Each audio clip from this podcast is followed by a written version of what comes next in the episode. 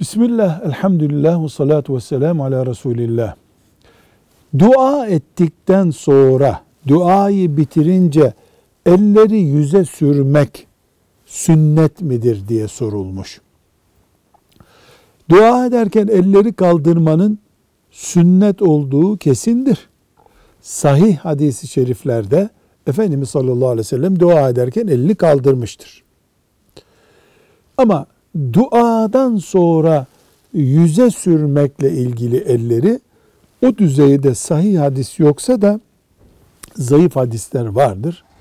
Böyle bir konuda zayıf bir hadis olsa da amel etmek gereklidir. Velhamdülillahi Rabbil Alemin.